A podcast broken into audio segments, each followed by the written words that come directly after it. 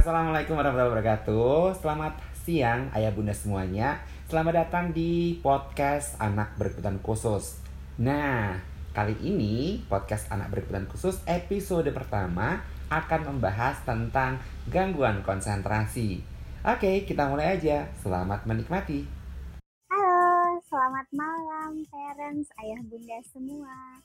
Ketemu lagi dengan saya Maria di Instagram Live Hari ini kita akan ngobrol lagi nih bersama dengan Pak Gunadi. Nah, eh, topik kita hari ini adalah tentang masalah atensi atau sering juga disebut inatensi. Nah, eh, untuk parents yang belum kenal, mungkin sambil kita menunggu Pak Gunadi bergabung, saya akan coba perkenalkan dulu sedikit ya. Jadi Pak Gunadi ini adalah Direktur Yamet Child Development Center, juga Direktur Yamet School. Nah, Yamet ini sudah tersebar di seluruh Indonesia kayaknya ya, e, cabangnya banyak sekali gitu.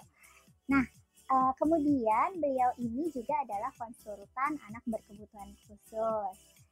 Jadi semua segala sesuatu tentang anak berkebutuhan khusus uh, Pak Gunadi ini cukup banyak pengalamannya tentunya ya.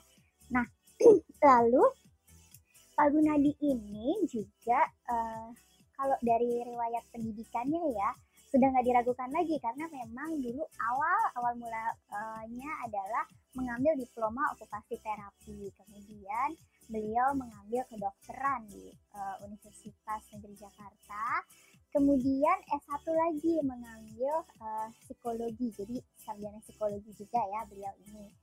Kemudian uh, selain itu uh, Pak Gunadi ini juga melanjutkan lagi uh, mengambil kuliah S2 Magister Psikologi Anak uh, Usia Dini. Nah, dan nggak pernah puas ya untuk belajar karena uh, setelah mengambil magister psikologi anak usia dini Pak Gunadi ini melanjutkan lagi nih sekarang uh, beliau sedang mengambil magister profesi psikologi uh, pendidikan anak dan remaja di uh, Unika Atmajaya Jakarta. Nah, sebentar lagi kita akan uh, bergabung ber bersama Pak Gunadi dan kita akan ngomong lebih banyak lagi tentang anak. Khususnya hari ini kita akan membahas masalah uh, konsentrasi, masalah susah, susah fokus dan ini kayaknya banyak ya yang ngalamin. Selamat malam Pak Gunadi. Malam Maria. Gimana kabarnya Pak? Baik-baik. Ini saya baru landing jadi kayak bunda semua saya baru landing di baru dan ternyata di, uh, di bandara restoran pada tutup jadi saya di pinggir jalan aja. Luar biasa nih ya. Pak Gun demi melanjutkan live nih di mana aja direlakan. Iya it's okay nah Pak tadi saya udah sempat introduction sempat pembukaan. Yeah. uh, uh, kemudian okay. saya juga sudah info bahwa malam ini kita akan bahas tentang anak-anak uh, yang susah konsentrasi ya Pak ya. Iya betul. Dan ini banyak ya Pak ya anak eh, anak-anak yang punya masalah konsentrasi ini ya sebetulnya. Betul. Uh, saya uh, pasang headset dulu ya. Oke okay, Pak, silakan. Halo, nah, cukup terdengar? Terdengar Pak, terdengar lebih okay. jelas. Oke. Okay. Ya. Nah, uh, kita langsung mulai aja Pak mungkin ya kita ngomongin ya, tentang siap, anak siap. yang susah konsentrasi ini yang uh, kan okay. banyak banget nih uh, parents yang suka nanya gitu mereka tuh bingung gitu apakah anak saya ini sebenarnya uh, ADHD nggak sih gitu ya kok dia selalu berpindah kegiatan kayaknya apalagi sekarang sekolah online ini banyak banget yang merasa kok kayaknya anaknya nggak bisa diem ngikutin yeah. Iya. uh, kelas online tuh kabur-kaburan terus gitu ya Pak ya nah yeah. sebenarnya uh, gimana sih ciri-cirinya kita bisa bilang bahwa anak itu punya masalah konsentrasi? Oke, okay. uh, eh, sebelum membicarakan jauh tentang masalah konsentrasi, ayah bunda semua harus tahu apa itu kemudian konsentrasi. Konsentrasi adalah pemusatan perhatian, pikiran, dan jiwa dan fisik pada suatu objek. Uh, dan kalau menurut uh, KBBI itu adalah pemus, uh, uh, Kamus Besar Bahasa Indonesia konsentrasi itu adalah pemusatan perhatian atau pikiran pada suatu hal. Nah, konsentrasi ini juga uh, menurut Nugraha tahun 2008 itu uh, adalah sebuah kemampuan untuk memusatkan pikiran terhadap aktivitas belajar.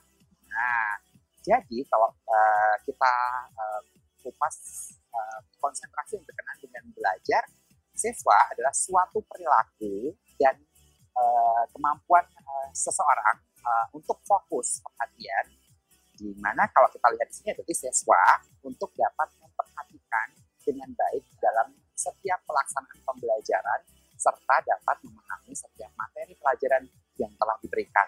Ini definisi menurut uh, namanya Sumarno di tahun yes. 2010. Nah, uh, konsentrasi ini sebenarnya ada banyak pembagiannya.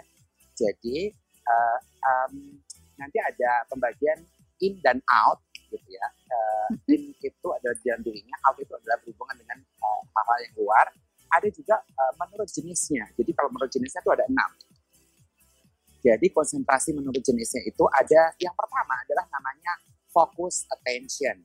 Nah, apa itu focus attention? Focus attention adalah kemampuan memusatkan perhatian.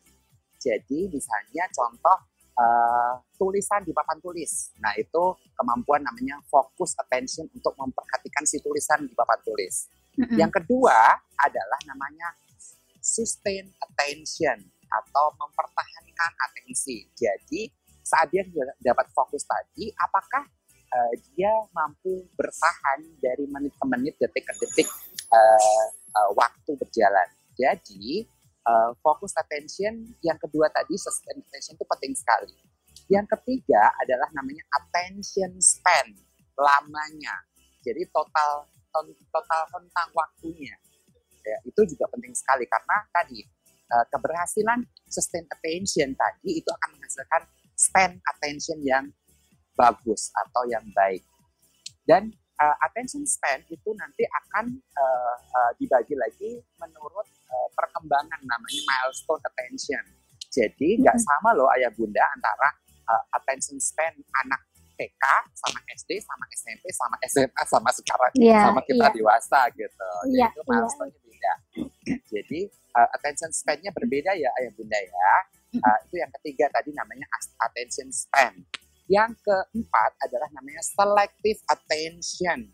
Apa itu selective attention? Adalah memilih atau me, uh, menentukan mana yang penting, mana yang nggak penting gitu tuh. Misalnya contoh ayah bunda lagi berada di sebuah uh, kerumunan kerumunan pesta mencari namanya butejo. Uh, butejo yang mana nih yang yang yang yang jilbabnya hijau. Nah, jadi ngebuang yang jilbab-jilbab yang uh, bukan warna hijau dan yang mem memilih yang warna hijau aja gitu. Atau misalnya gini nih, nih saya sekarang lagi uh, live Instagramnya di sebuah kafe atau warung pinggir jalan.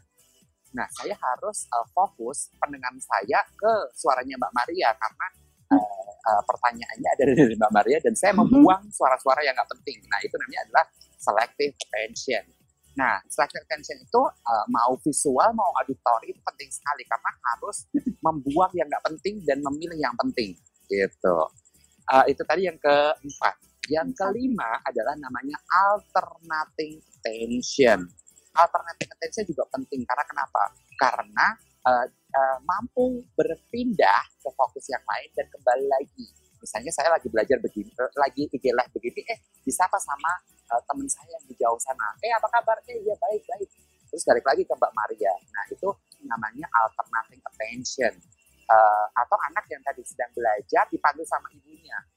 Uh, Andi, kamu udah makan belum tadi? Udah, Ma. Aku udah makan. Terus balik lagi ke fokus pekerjaannya. Itu namanya alternating attention. Jadi shifting itu atau berpindah dan kembali lagi itu penting sekali juga. Dan yang keenam adalah namanya divided attention atau membagi konsentrasi. Eh, ini sering kali banyak dilakukan nih, misalnya uh, uh, uh, para bunda-bunda semua itu misalnya motong wortel sambil nonton telenovela misalnya gitu. Nah itu itu itu namanya divided attention. Jadi fokus pada motong wortelnya tapi matanya tetap ke TV nih gitu. Iya. itu, itu itu penting banget tuh. Sama. Iya, berarti, Jadi sebenarnya uh, banyak parents uh, yang nggak tahu juga ya nih Pak bahwa attention uh, ini ada macam-macam. Dan bisa jadi uh, uh, anak uh, itu mengalami hanya salah satu masalah ya berarti ya. Uh, uh, betul. Ya, jadi uh, orang parents semua, orang tua semua, yang bunda semua biasanya tahunya adalah anakku gangguan konsentrasi, tapi uh, uh, uh, penelusuran lebih jauh di di assessment itu ternyata nggak sesimpel itu gitu. Mm, Karena nanti di, di, di assessment waktu waktu kita di klinik, waktu kita di uh, sekolah itu kita assessment anak itu uh, kita mesti lihat satu-satu tadi tuh potensinya di mana, kekurangannya di mana, milestone yang masih kurang yang mana. Jadi uh, uh, perkembangan atensi itu sendiri akan dicocokkan sama si si usia anak tadi. Gitu. Itu itu yang uh, perlu parents tahu ya bahwa konsentrasi itu gak semudah itu loh. Iya nah, uh, nah sekarang uh, uh, konsentrasi yang baik. Kita akan ngomongin tentang uh, ciri konsentrasi yang baik itu seperti apa bahwa uh, nanti kita akan bagi milestone itu uh, uh, dari mulai uh, bayi uh, dari mulai 2 sampai 3 tahun dan uh, uh, perkembangan anak usia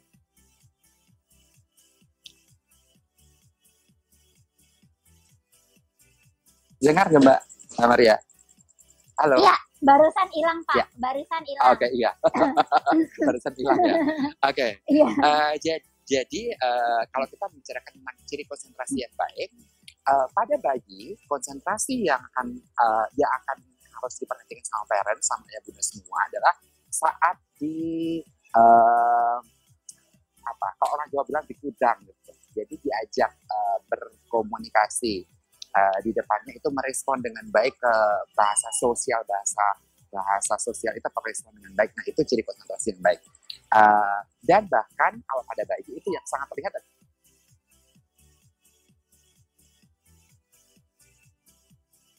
merespon dengan baik. Jadi uh, parents semua hati-hati sekali uh, kalau dari situ aja udah nggak nggak ngerespon nih gitu ya. Jadi uh, pada ciri anak uh, bayi sampai 12 bulan itu ya tadi saat diberi saat diajak berkomunikasi sama bundanya itu merespon sosial itu yang pertama. Yang kedua adalah merespon mainan yang berbunyi, berwarna dan bergerak. Itu ciri konsentrasi yang baik.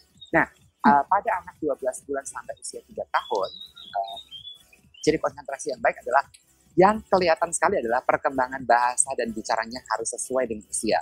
Jika tidak ber, tidak sesuai dengan usia, salah satu indikator gangguan konsentrasi. Ya. Nah, jadi uh, uh, anak uh, 12 bulan, satu tahun sampai tiga tahun itu yang sangat kelihatan kalau dia mengalami gangguan konsentrasi yang akan terkena dampaknya pertama kali adalah gangguan perkembangan bicara dan bahasa. Iya, nah, karena terus, memang untuk belajar bicara uh, dan bahasa ini perlu banget konsentrasi ya Pak. Kalau nggak konsentrasi iya. otomatis susah menyerap. Makanya ini paling iya. gampang juga ya uh, untuk melihat dari perkembangan uh, bahasa ya. Iya betul. Jadi uh, perkembangan bicara dan bahasa itu sangat penting sekali uh, dilihat di 1 sampai tiga tahun tadi. Iya. Karena tadi gangguan konsentrasi salah satu penyebabnya. Nah, ya. ciri konsentrasi yang baik di 1 sampai tiga tahun adalah yang kedua adalah mampu antusias dalam berinteraksi dengan lingkungan. Jadi uh, berinteraksi dengan lingkungan dengan baik, mampu mendengarkan saat diajak berbicara one on one dengan orang lain uh, sesuai dengan patokan usianya tadi. Itu di usia uh, 1 sampai 3 tahun. Nah, di usia 3 sampai 6 uh, ciri konsentrasi yang baiknya adalah satu, perhatiannya terpusat dengan uh, stimulus yang diberikan, baik itu visual maupun auditori. Jadi ayah bunda perlu tahu loh ya, nanti yang kita akan lihat adalah uh, stimulus-stimulus visual. Visual itu berhubungan dengan gerak, misalnya ngikutin senam, uh, gambar, atau sosok orang di depannya gitu ya.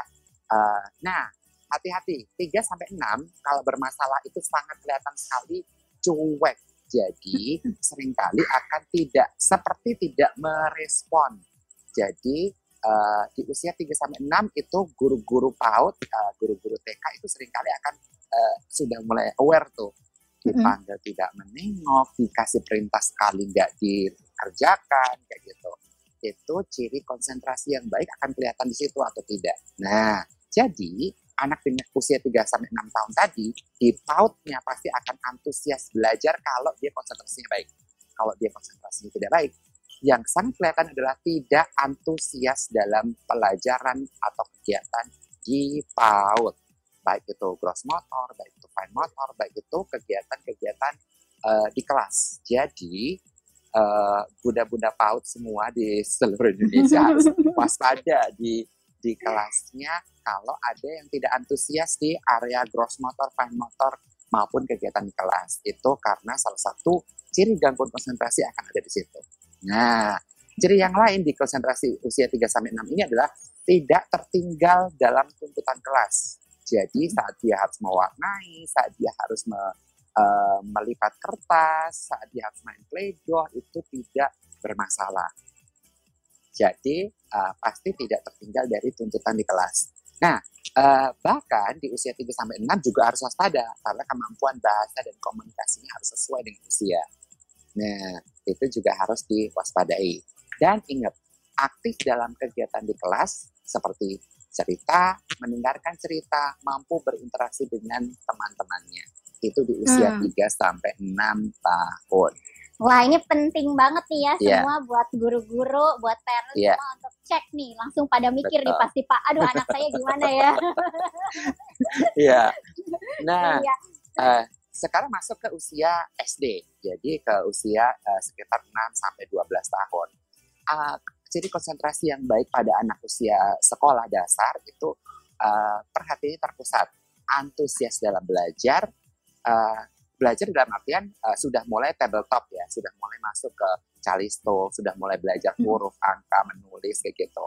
Uh, tidak ada ketinggalan uh, kemampuan akademik dibandingkan anak usianya.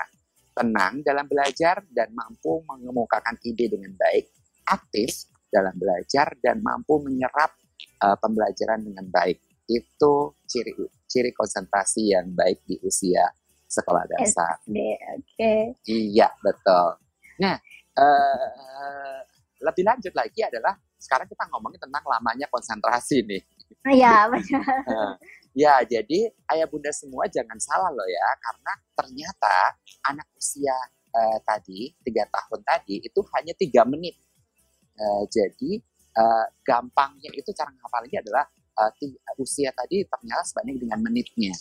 Uh, di dalam teori disebutkan bahwa anak tiga tahun itu tiga menit saja konsentrasinya. Jadi kalau misalnya ayah bunda, wah anakku nggak bisa konsentrasi lah, ternyata dia minta satu jam.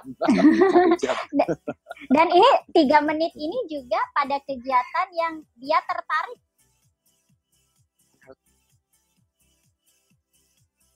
Harus konsen.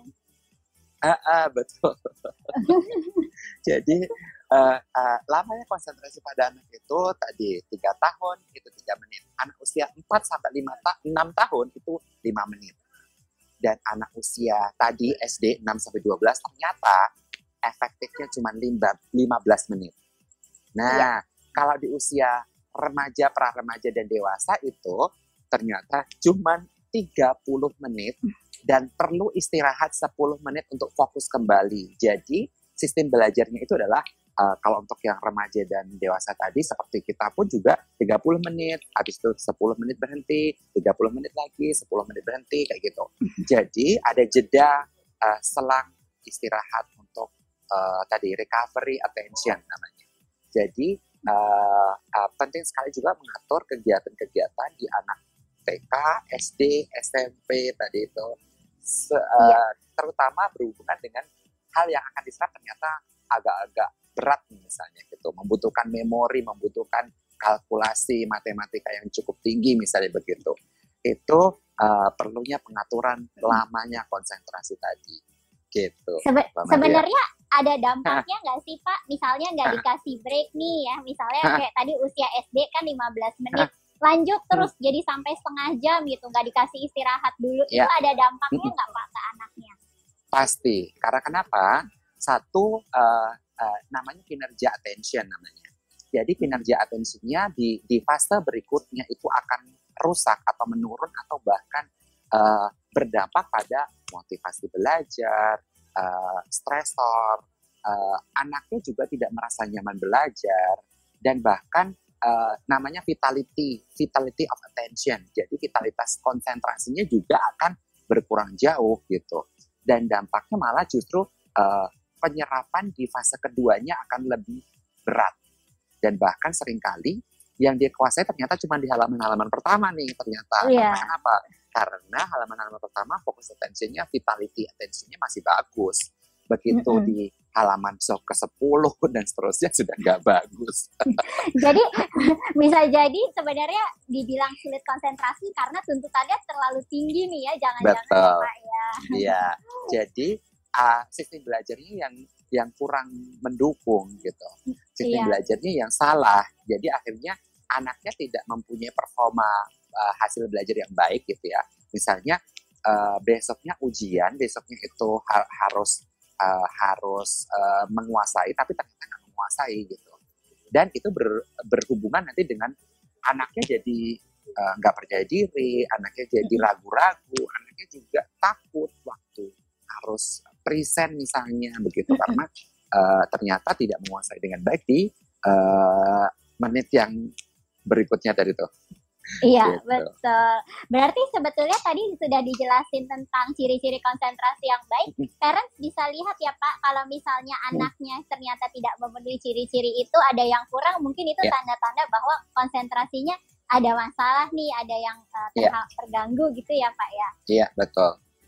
Ya jadi uh, kalau tadi sudah saya sebutkan beberapa ciri tadi dan mungkin parents yang kelewatan nanti bisa diputar ulang nih uh, uh, IG live-nya um, tentang ciri-ciri tadi. Terutama guru-guru yang uh, di kelas gitu, guru-guru dari mulai guru-guru PAUD. Karena kenapa?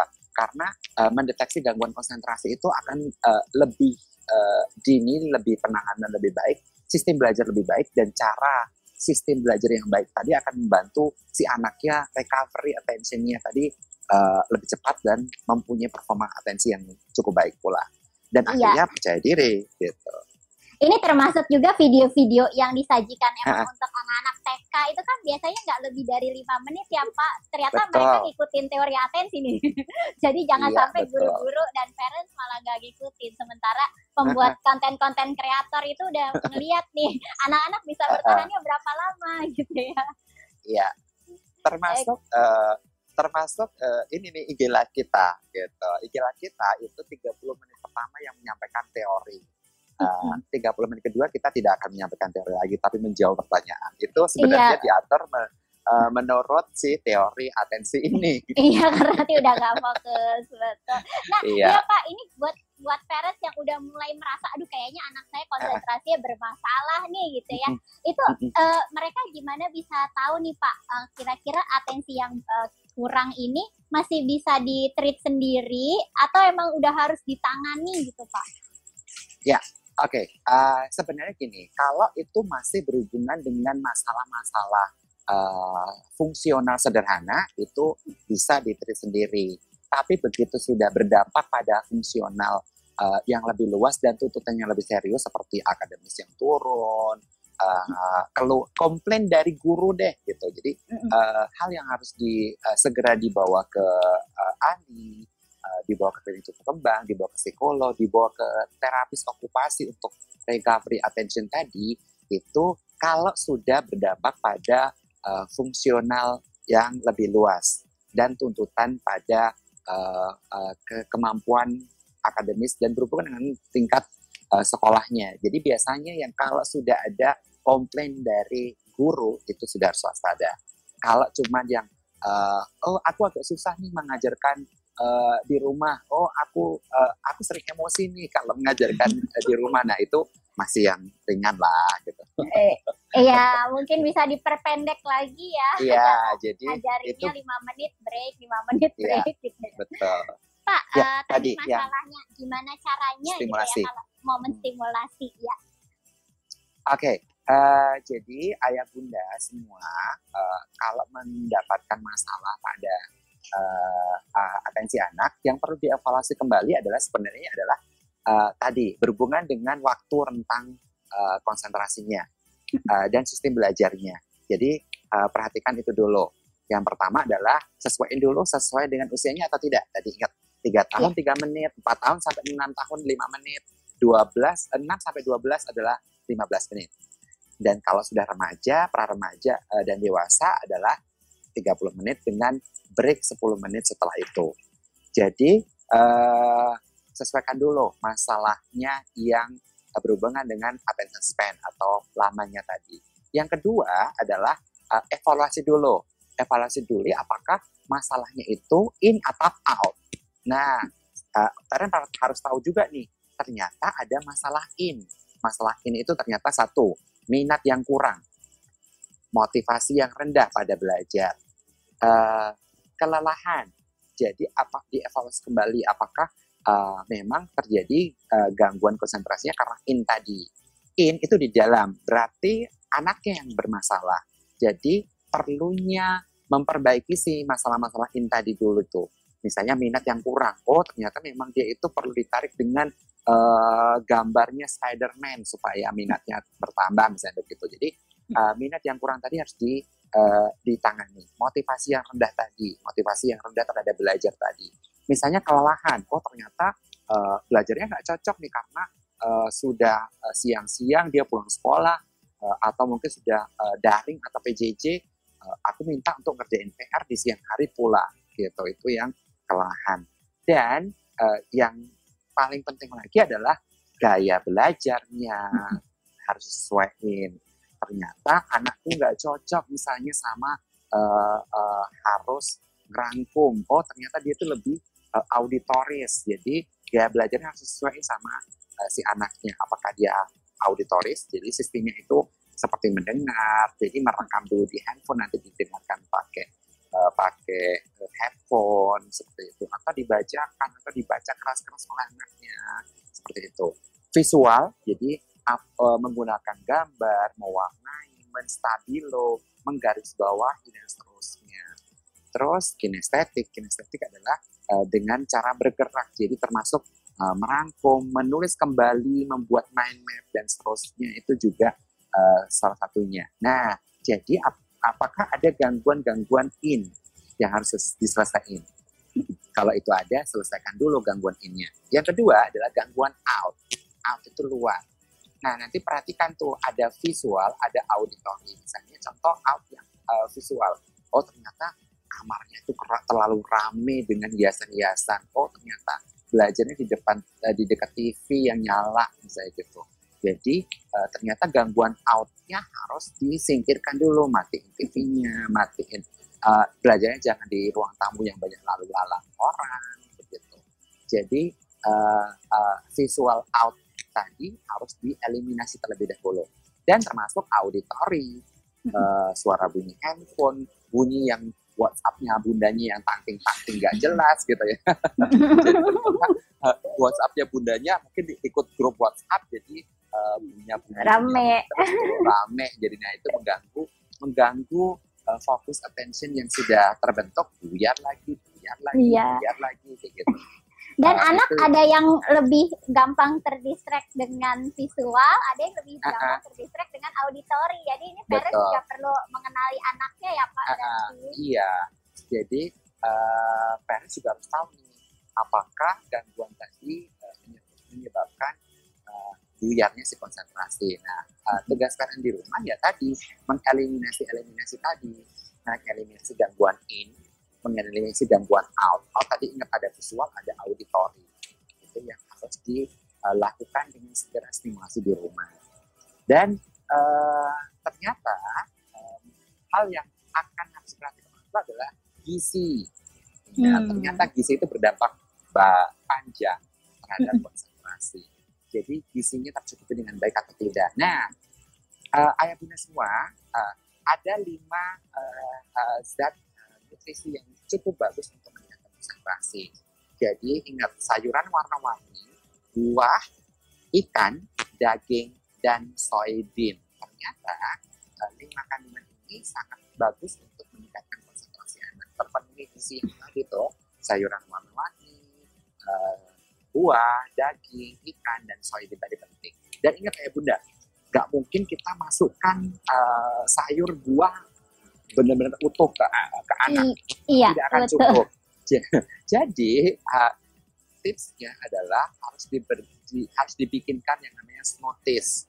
Jadi ayah bunda bisa bikin smoothies. Smoothies itu Uh, dan ingat, smoothies itu kondisi buah dan sayurnya dalam keadaan mentah, tidak direbus. Rebus. Jadi, ya, jadi misalnya contoh bayam, bayam, bayam sudah dicuci dengan baik gitu ya. Dan ingat mencuci sayuran itu tidak boleh menggunakan uh, jenis-jenis pencucian yang mengandung deterjen.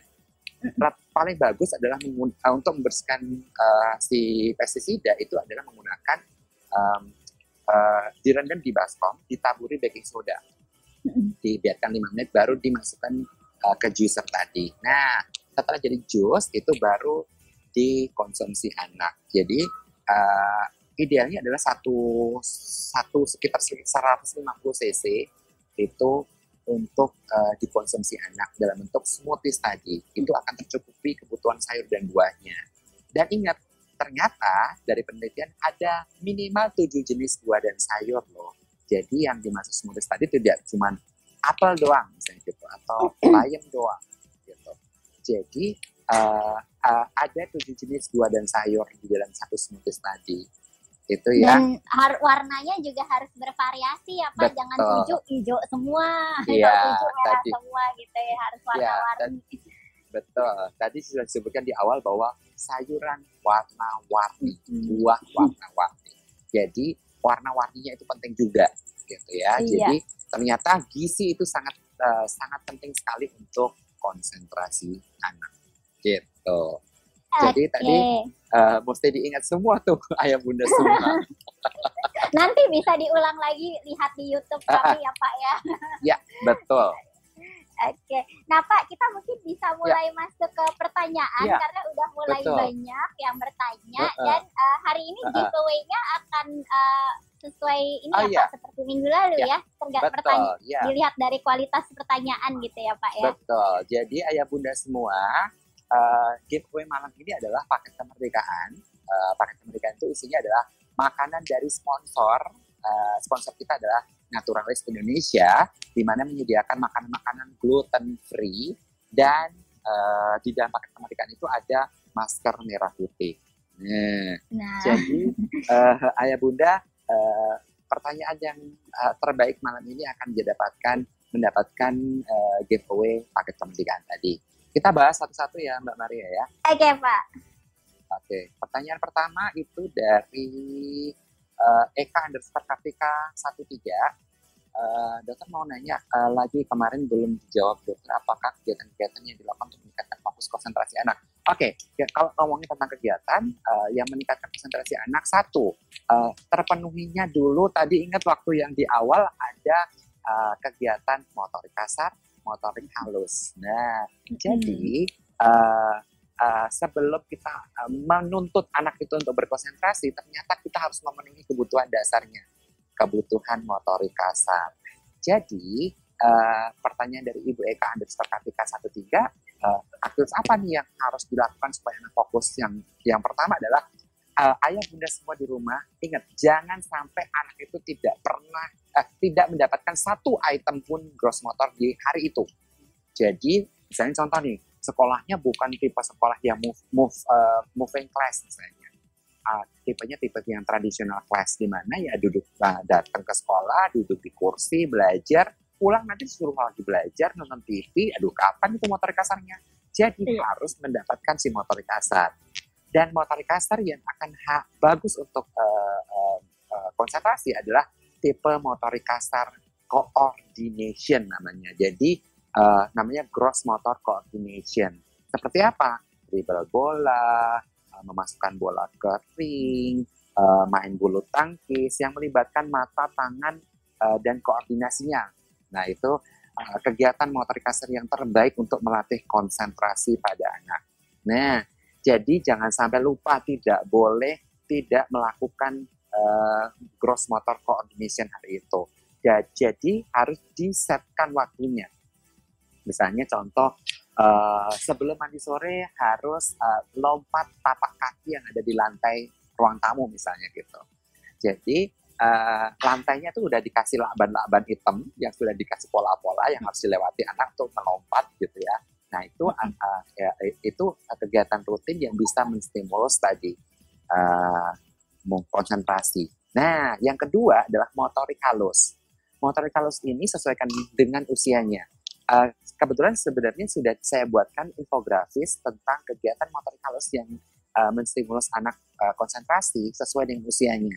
Jadi si motorik halus ini harus sesuaikan dengan usianya, si tugas perkembangan motorik halusnya. Misalnya 2 sampai 3 tahun itu mewarnai, 3 sampai 4 tahun itu adalah melipat, menggunting, nanti 6 tahun itu sudah harus mulai menulis. Nah, jadi ingat kegiatan-kegiatan pentingnya membuat kartun, membuat cerita, membuat uh, uh, daily journal namanya. Nah, jadi kalau sudah enam tahun itu sudah mulai uh, masuk ke tingkat daily journal. Daily journal itu boleh tulis kalau sudah bisa menulis tulisan, bentuk tulisan boleh, kalau belum gambar juga apa-apa. Jadi uh, bikinkan kotak enam di dalam sebuah PS, dia harus bikin cerita dari pagi sampai sore. Nah, motorik halus itu yang sangat penting untuk melatih konsentrasi. Nah, gitu. kemarin ada yang mengeluhkan gini nih Pak, uh, soal ya. uh, motorik ini ya sekarang kan kita harus di rumah aja susah dong bikin kegiatan motorik yang motorik kasar ya terutama padahal sebetulnya nggak susah ya Simple. Pak ya kita, iya. kita kreatif aja itu tadi yang Betul. Pak Tun kasih contoh uh, lantai di lakban-lakban itu itu kan bisa dilakukan di dalam rumah gitu ya misalkan uh, dari kamar menuju ruang tamu gitu ya sesimpel iya. itu aja gitu dan iya, misalnya uh, melempar ini misalnya kita juga bisa pakai uh, bola yang lembut itu terus kita pasangkan iya. target mereka harus Betul. melempar seperti ini bisa iya. dilakukan di dalam rumah gitu Betul. jadi jangan iya. pesimis dulu parents dan bisa dipakai gelas-gelas gelas-gelas uh, air mineral yang yang nggak kepake gitu ya dan bahkan uh, misalnya contoh ada 10 gelas gelasnya ditengkurepin uh, di, di, bisa dikombinasi dengan dikasih gambar kalau anaknya belum mengerti angka dan huruf. Kalau sudah mengerti angka huruf, ditulis untuk angka 1, 2, 3, 4, 5, 6, 7, 8, 9, 10. Nah, disuruhlah itu melempar ke gelas yang angka berapa gitu. Iya, Atau diten, iya. ditendang juga boleh, dilempar boleh, ditendang boleh gitu. Itu membantu untuk fokus attentionnya akan luar biasa gitu. Dan itu anak-anak pasti suka ya Pak ya. Betul, uh, suka, uh, challenging, menyenangkan, apalagi dengan uh, applause kalau sudah dapat, eh, ore kakak pintar. gitu. uh, itu akan membantu sekali si anak mempunyai uh, kepercayaan diri. Eh ternyata lo bisa loh. gitu iya. itu ya. Uh, Nah, nanti tinggal di challenge aja, misalnya gelasnya itu letaknya satu meter di depannya. Eh, uh, nanti kalau sudah bisa satu setengah meter, dua meter, tiga meter. Jadi di challenge aja nantinya tinggal diberikan uh, tantangan yang agak lebih menantang seperti itu. Iya. Uh, jadi kegiatannya simple, sederhana, lakukan rutin dan jangan sampai hanya cuman uh, kegiatan-kegiatan yang duduk diam saja. Itu yang akan membantu konsentrasi lebih baik. Iya. Gitu.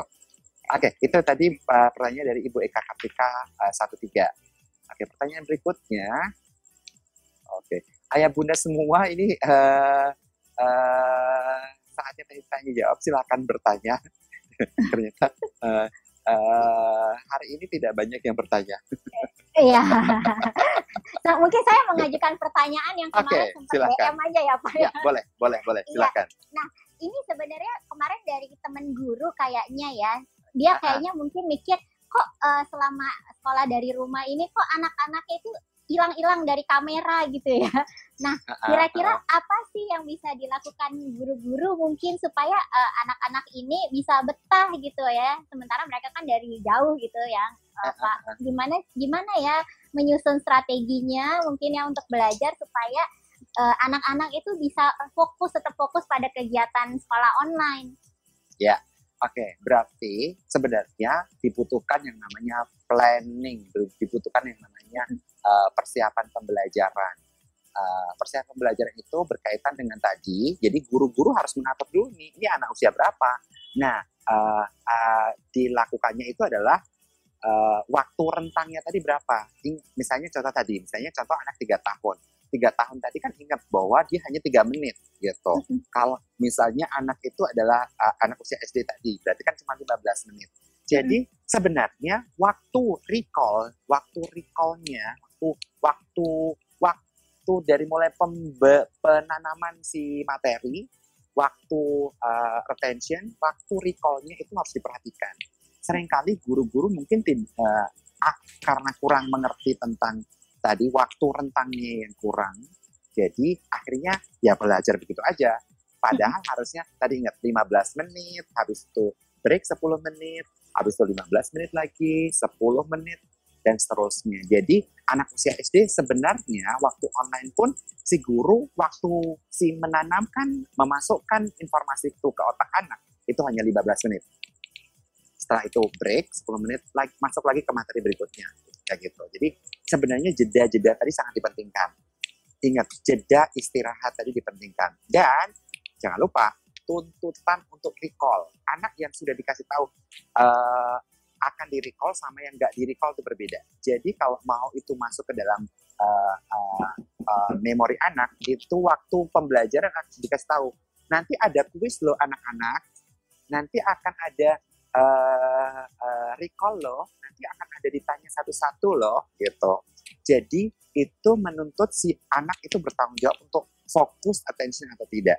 Jadi pembelajaran yang baik adalah pembelajaran yang sudah dipersiapkan dengan baik si materinya apa dan uh, gurunya sudah harus menyusun item-item uh, indikator yang akan harus dikuasai apa dan harus menanyakan atau merecall si indikator tadi apakah sudah masuk ke anak dengan baik atau tidak. Dan waktu memasukkan ingat cuma kalau SD cuma 15 menit terus istirahat, terus 15 menit istirahat lagi seperti itu.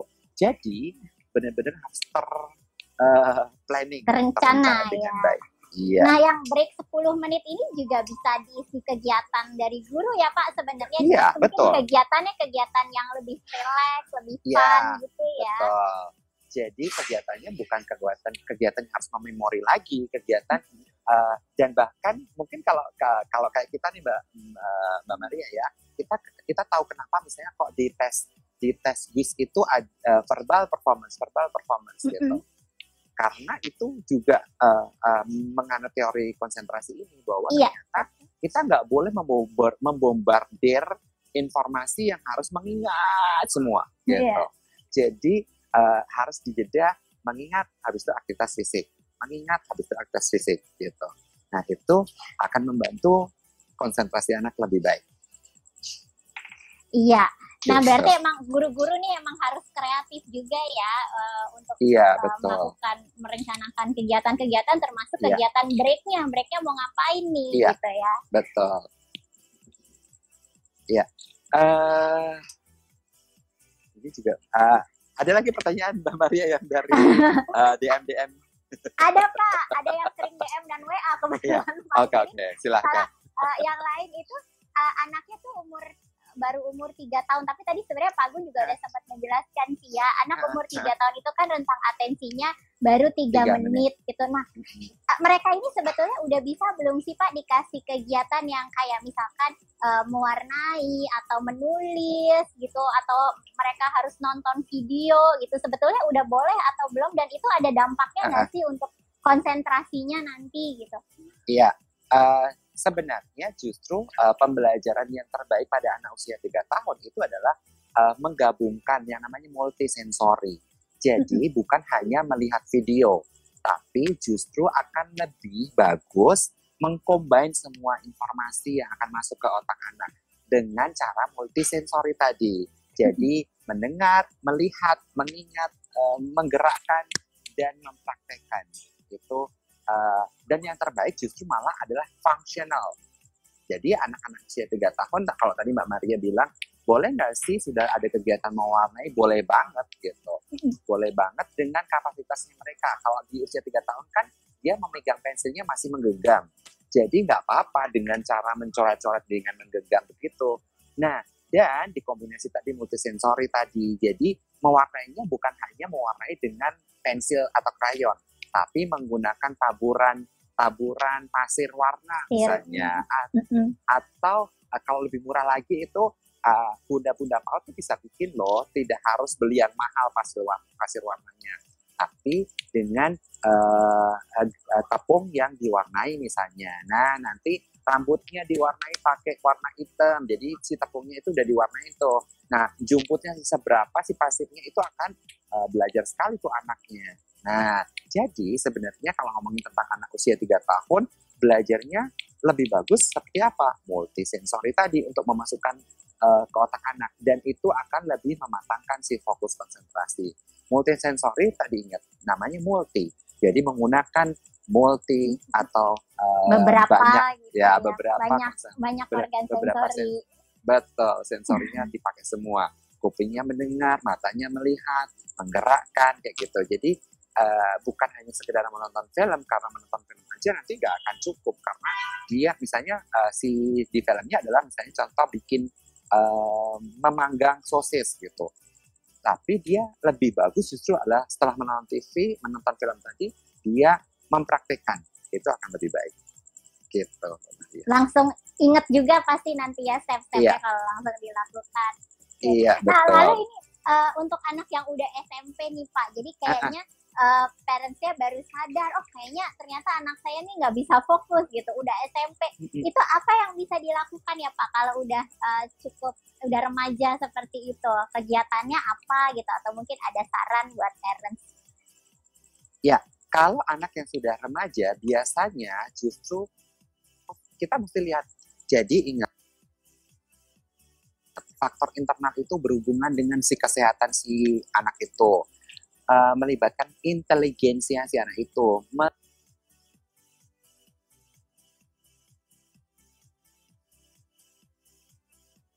Eh, agak terpause ya.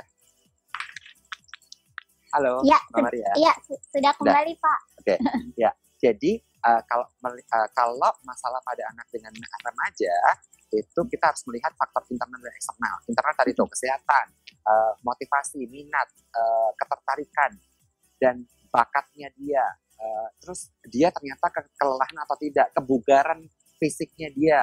Terus uh, mengalami insomnia atau tidak karena uh, banyak kasus-kasus anak remaja yang mengalami insomnia.